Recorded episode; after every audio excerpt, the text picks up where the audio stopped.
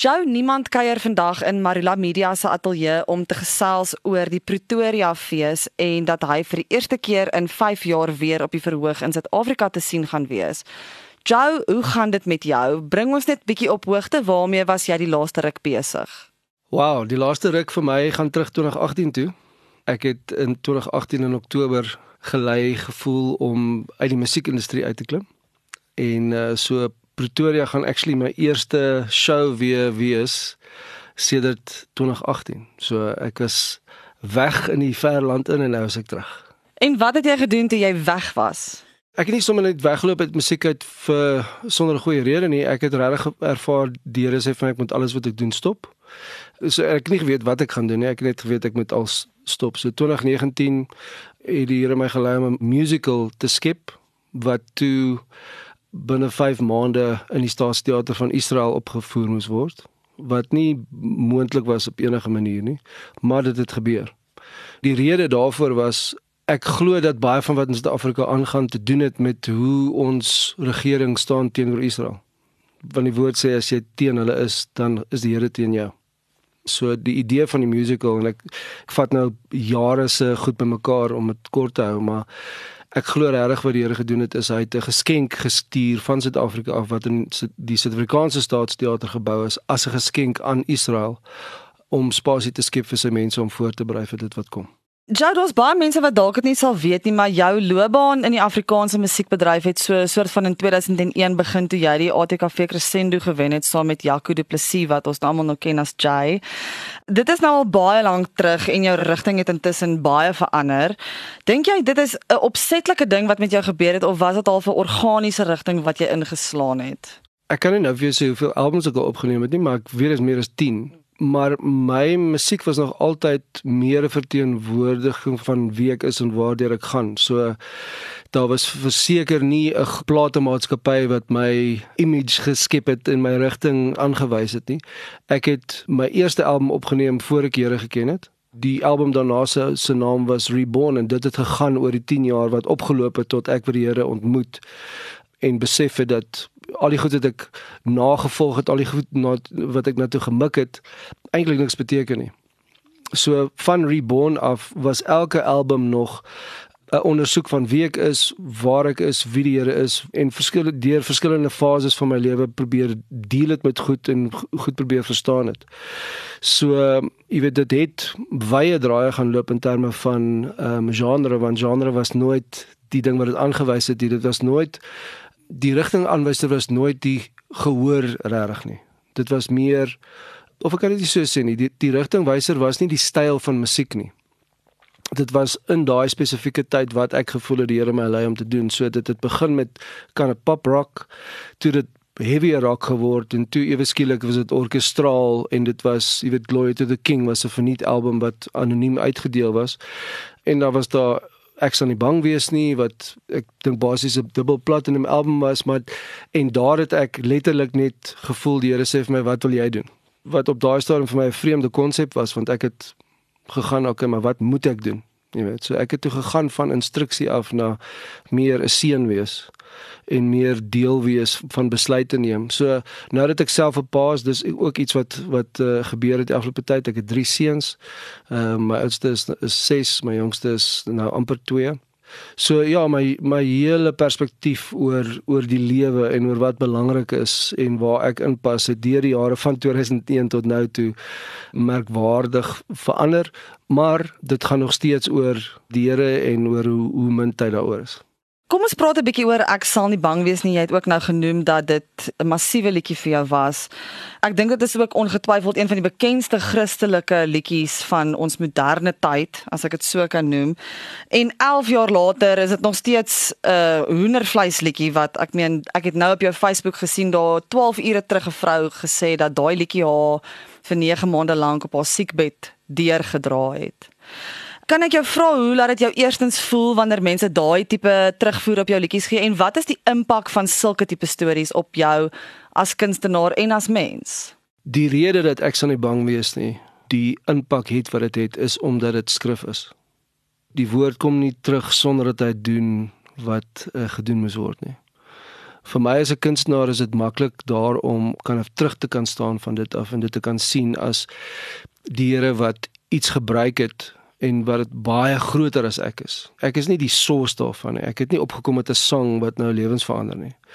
Ek het die woorde van Dawid gevat en ek het dit juis daai hele album was 'n mission vir my gewees om skrif in mense se karre kon kry om dit om die waarheid van wie God is en hoe hy ons beskerm en hoe daar engele is wat ons oppas hoe daar hoe hy ons beskerm teen enige ding wat ons probeer seermaak of doodmaak. Die realiteit daarvan het ek probeer oordra in 'n styl wat by mense sou uitkom.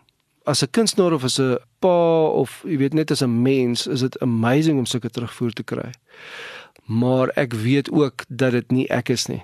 En dis hoekom dit vir my maklik was om weg te loop van musiek af.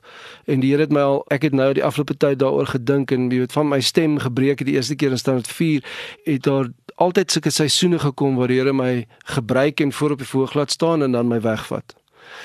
En dis hoekom ek so opgewonde is oor om nou weer na 5 jaar te kan terugwees want ek weet daar's goed wat hy in my uitgebreek het. Ek weet daar's goed wat hy ingesit het en uh, ek sien vir dit. En is dit hoekom jy nou besluit het dis tyd om weer vorentoe te gaan op die verhoog? Voel jy nou weer gelei bietjie terug na die musiek toe?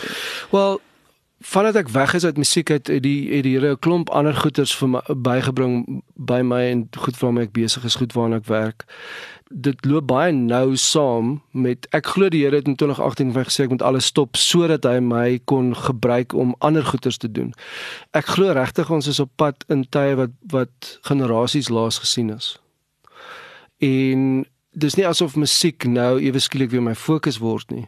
Al hierdie ander goed wat die Here vir my gewys het as wat te doen het met voorbereiding vir dit wat kom, musiek val weer terug in die middel van dit. En ek glo regtig dat die final frontier van musiek is worship.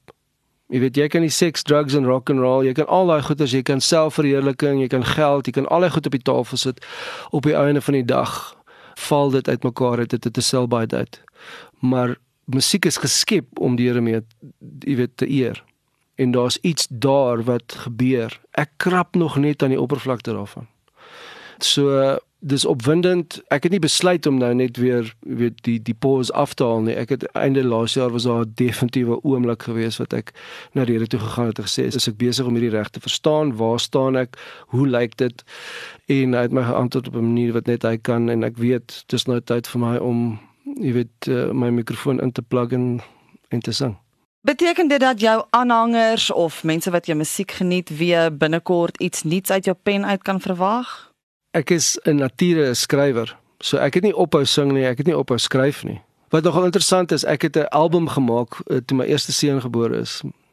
Ek wou regtig vir hom eendag iets kan gee om vir hom te sê hierdie is wie jy is, hierdie is waar jy vandaan kom. En dit het my op 'n pad gesit om te sê, okay, maar wie is die Afrikaner? Wie is sy mense? Want as ek dit oorlaat aan die media of as ek dit oorlaat aan sosiale media of politieke korrekte oogpunte oor wie die Afrikaner is, dan sal hy groot word met 'n kompleks, jy weet.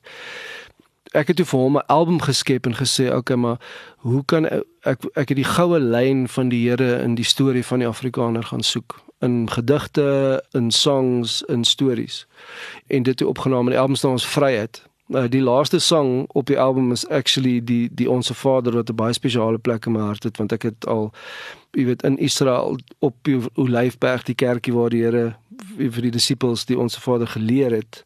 uh, Baie spesiale oomblik daar. Ek gaan in ander ander lande in die wêreld ook in katedrale en kerke en goed, maar ek het toegelei gevoel om die voetrekker monument te boek. Ek het nie eens geweet of ou dit kan doen nie. Maar daai onsse Vader is toe opgeneem in die voetrekker monument. En daar songs op daai album. Ek sou dit gelonch het by Mighty Men. Dink dis 2016. En toe ek op die verhoog loop die aand om dit te launch, toe ervaar ek Here sê vir my moenie dit launch nie. Toe doen ek nie. So die die album is nie digitaal beskikbaar nie. Dit het nog nooit regtig daar is nie regtig daar daar buite nie, maar ek voel dat van daai songs kan kind of nou in seisoen inkom. Die idee dat waar is ons leiers? Die ding van maar hoe dien 'n ou God in moeilike tye? Jy weet, hoe kan jy as 'n Christen wat Jy weet, ek dink kulturele Christendom het ons geleer dat as jy sewe punte volg, jy weet en jy doen dit, dan kan niks sleg met jou gebeur nie. Maar hoe lyk dit as die wêreld in 'n tyd van oorlog ingaan? En dan is daar goeters wat staande bly wat nog ouer as ons kultuur is, wat nog ouer as ons taal is, wat 'n ou dan aan kan vashou en wat 'n ou nooit sal drop nie.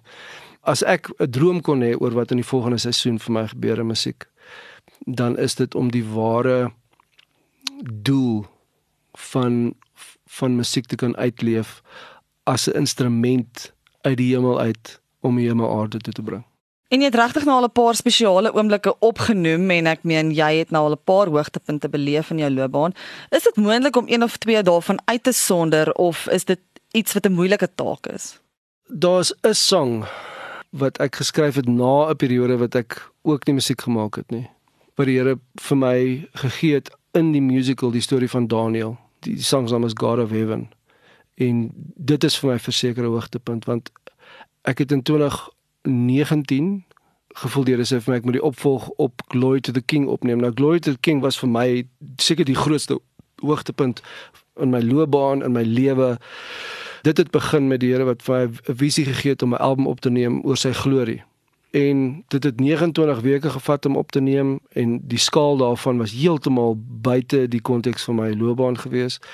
En toe ek besig was om dit op te neem, toe sê hy vir my maar hy wil nie ek moet dit verkoop nie, wil ek moet verniet uitdeel. So die eerste druk van daai album was 300 000 albums gewees en dis verniet uitgedeel en daar's daarna nog albums gedruk. Jy weet dis grootste eerste druk van 'n album in die geskiedenis van die Suid-Afrikaanse musiekindustrie en dit was anoniem. So vir my as net 'n volgeling van Jesus is dit die ultimate. So die opvolgalbum op dit 10 jaar later, The Presence of the King, ek dog toe dis net die opvolg op dit, maar die oomblik toe die album klaar is, toe sê die Here vir my hy wil hê ek moet 'n musical in 'n spesifieke teater, die Staatsteater van Israel gaan oopmaak Oktober 2019 dit was mind-boggling want jy kan dit nie doen nie. Dis ek wil jy kan nie 'n internasionale musical Broadway full scale so musical skep in 5 maande nie. En toe ek begin werk 'n paar maande na dit aan die musiek want daar was soveel ander goed om in die gang te kry.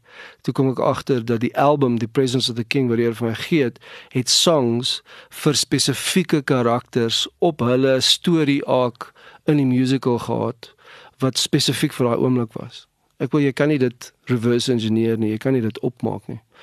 So ek dink tussen the presence of the king en terug na na glory to the king toe net die die wonderwerke wat om dit gebeur het en die die feit dat as 'n ou bereid is om 'n tree in geloof te vat al is daar geen soliede grond nie om voorbeelde te hê wat vir my so massive is om te kan sê maar die Here is getrou het my nog nooit gedrop nie en as ek weet dat ek besig is met wat hy vir my gegee het om te doen dan is daar letterlik nie 'n ding op hierdie aarde wat onmoontlik is nie. So om uit die survival ding uit te breek van hoe gaan ek dit deur die einde van die maand maak, jy weet. Aan die ander kant van dit lê daar lewe unlimited. En uh, ek sê dit nie as iemand wat nou in daai plek lewe nie. Ek wil graag in daai plek lewe, maar ek het al oomblikke daarvan gesien. En selfs vir my wanneer ek baie keer wonder hoe gaan ek die einde van die maand kom, dan sê ek embarrassed om te gaan, maar eers die Here het my nog nooit gedrop nie. Jy weet, ek loop al vir jare en jare en jare op die water. So ou lewe in daai twee wêrelde, die plek waar jy weet niks is onmoontlik nie en jy beklei in jou vlees wat wat net alles vol vrees wil druk. En ek dink dis ook hoekom ek sal nie bang wees nog steeds relevant is want vrees is die presiese teenoorgestelde van geloof as dit nie vrees in God is nie. En in ons land in die tyd waar ons nou lewe in die tyd waarin ons ingaan, moet elke gelowige regtig kan weet waar hulle staan daarmee om te kan sê ek maar ek stel my God aan deur vrees. So as ek vrees vir geweld of as ek vrees vir nie geld nie, dan word dit my God. En jy kan dit doen en dit sal jou slaaf maak as jy doodmaak. Of jy kan die besluit maak en elke dag deurvoer dat dat net die Here waardig is van vrees en al die implikasies wat daarmee kom van voorsiening en beskerming en vrede en vreugde. So as ek die twee wêrelde moet opsit dan dan beloof die een jou happiness en en uh, tevredenheid en uh, alles vir ons stel om maklik te wees en aan hierdie kant is daar ware vreugde en ware vrede. Sjoe, op daai noot voel ek eintlik nou sleg om jou terug te lei al die pad na Pretoria toe. ons sit in Pretoria, ons is nog heeltyd hier. ons sit in Pretoria, ons moet nou 'n bietjie gesels oor Pretoria. Dit is 'n tweedag fees wat in Maart plaasvind op die 4de en die 5de Maart. Jy is die Sondag op die verhoog te sien. Miskien kan jy dalk net so 'n bietjie vir mense sê wat hulle kan verwag van die fees en veral van jou. Jy weet ek het 'n gesin en ek dink om plekke te hê waartoe jy kan gaan Ek dink Pretoria is spesiaal want jy kan, jy weet, fyn proewer goedjies, kos en drink goed daar kry wat jy dalk nie op ander plekke gaan kry nie en dis 'n gesinsvriendelike dag. Ek dink om musiek te hê wat opkyk en wat opwys en in die botaniese tuine te wees. Ek bedoel dis iets waartoe ek my gesin wil vat. So ek sien baie uit daarna en ek dink vir my op die verhoog is dit die eerste show wat ek doen, jy weet, vandat ek nou terug is na 5 jaar en ek sien baie uit daarna en ek sien om van die musiek wat ek het te deel met mense en die stories rondom dit te deel en ek dink dit gaan 'n spesiale dag wees.